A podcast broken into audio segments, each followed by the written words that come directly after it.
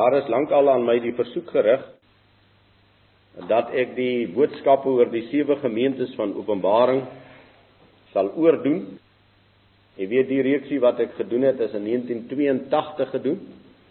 So pas nadat ons uit die NG Kerk uit is.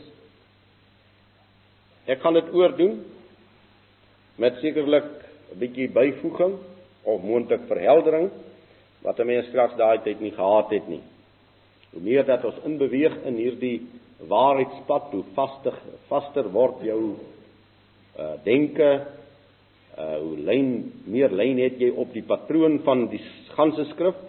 En omdat hierdie sewe gemeentes so baie baie belangrike boodskap het, dink ek dit is goed dat ons maar weer sal luister want in 1982 was daar hoeveel Israeliete in die land. En hoeveel is daar vanmôre? Dat hulle maar opnuut weer sal luister en dat ons onsself sal toets aan die woord. U maak dus oop by Openbaring hoofstuk 2. Ek sal weer soos laas twee boodskappe bring oor elke gemeente. Eers die positiewe en dan die negatiewe. Skryf aan die engel soos dit hier staan van die gemeente in Efese Dit sê hy wat die sewe sterre in sy regterhand hou, wat wandel tussen die sewe goue kandelaars. Ek ken jou werke en jou arbeid en jou lydsaamheid en dat jy slegte mense nie kan verdra nie en dat jy die op die proef gestel het wat sê dat hulle apostels is en dit nie is nie en hulle leenaars bevind het. En dat jy verdraai het en lydsaamheid besit en ter wille van my naam gearbei en nie moeg geword het nie. Maar ek het dit teen jou dat jy jou eerste liefde verlaat het. Onthou dan waarvandaan jy uitgeval het en bekeer jou en doen die eerste werke. Anders kom ek gou na jou toe en sal jou kandelaar van sy plek verwyder as jy jou nie bekeer nie. Maar dit het jy dat jy die werke van die Nikolaïte haat wat ek ook haat. Wie oor dit laat hom hoor wat die Gees aan die gemeentes sê. Aan hom wat oorwin sal ek gee om te eet van die boom van die lewe wat binne in die paradys van God is. Ek gee net eers ons uh, tema is dan die Efese net, die naam of die tema is dan maar net weer Efese. Gee net so 'n inleidingkie. Die Openbaring boek. Nou lees ons dis die Openbaring van Johannes. Ek wil hê dat u dit sal tog regmaak in u Bybels. Dit is nie die openbaring van Johannes nie, dit is die openbaring aan Johannes. Die opskrif in die boek wil ek maar net hê moet u regmaak. Dit is nie op Johannes se openbaring nie, dis Yeshua se openbaring aan Johannes en dit is baie duidelik geskrywe. Dit is die woord in die Griekse taal apokalipsis wat beteken oopmaak van verborgenhede, die afneem van 'n deksel of ontsluiering. So Openbaring Apokalipsis beteken dus die verborgenhede word oopgemaak, die deksel word afgeneem. Die versluiering word ontsluier. Ons lees daar in Matteus 5 vers 17 af ek sê dit het my kop uit maar op waar Yeshua sê ek het nie gekom om wet of profete te ontbind nie maar korrekte vertaling om dit in vervulling te laat gaan. Daarom lees ons dan ook in die Openbaring boek dat hy breek die seels van die boek van hierdie verseelde program of van hierdie verseelde raad van God. Is Yeshua die een wat dit oopbreek en hy laat gebeur. En nou openbaar hy aan Johannes op die eiland Patmos wat is die toestand van die volk en wat sal gebeur met die volk?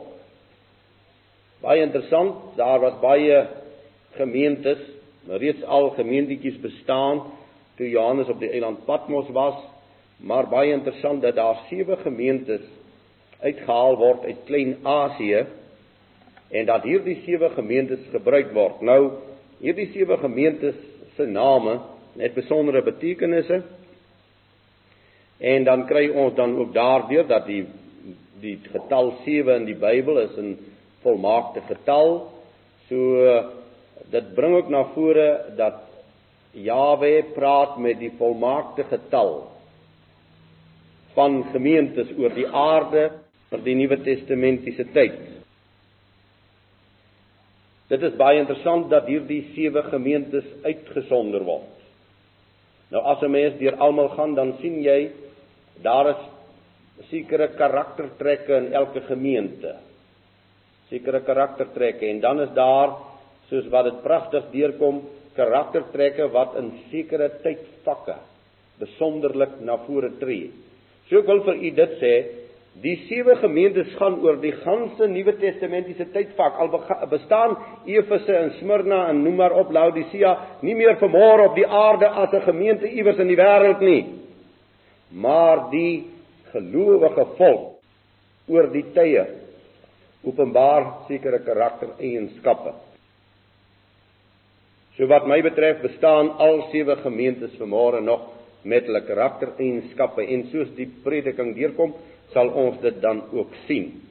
Wat dan belangrik is dat jy sal sien dat hy pragtig in 'n lyn vorm hierdie sewe gemeentes en dat daar sekere eienskappe is van die gemeente wat in 'n sekere tydvak, oor die tydvak, oor die totale tydvak besonderlik na vore tree. Die sewe gemeentes voltooi dan ook die totale Nuwe Testamentiese tyd. Nou wat belangrik is, ons lees in Openbaring 1 vers 13 en 16. Ek moet net die 12de vers bylees om verband te behou. Toe draai ek my om om te sien watter stem met my gespreek het en toe ek my omgedraai het, sien ek sewe goue kandelaars. En tussen die sewe kandelaars, een soos die seun van die mens met 'n kleed aan wat tot op die voete hang en gegord om die bors met 'n goue gordel. Deur die beeld van die sewe kandelaars is dan ook die beeld van hierdie sewe gemeentes van hierdie volmaakte getal gemeentes of dan in individu getel die volmaakte getal gelowiges waar tussen God wandel. Vers 16 en in sy regterhand het hy sewe sterre gehou. Weer die beeld van die sewe gemeentes. Weer hierdie totale gelowige getal oor die aarde wat dan vorm binne gemeentes. Die sewe sterre wat hy in sy regterhand hou en 'n skerp tweesnydende swaard het in sy mond uitgegaan. So binne hierdie gemeentes is die twee snydende skerp swaard wat uitgaan en dit is sy woord. So sy woord vorm hierdie sentrale punt binne die gemeente. Dis telkens die woord. Dis telkens die woord. Hierdie twee snydende swaard wat uit sy mond uitgaan wat reg verklaar en onreg verklaar. Wat salig spreek en wat oordeel wat heil aankondig en vernietiging. Telkens die twee snydende swaard binne die gemeente. Daarom waar die woord van waarheid waar hierdie twee snydende swaard werklik in 'n gemeente werksaam is, daar groei en leef 'n gemeente. Waarom sterwe die kerk van ons tyd? Omdat die swaard wegval die twee snydende skerp swaard verdwyn.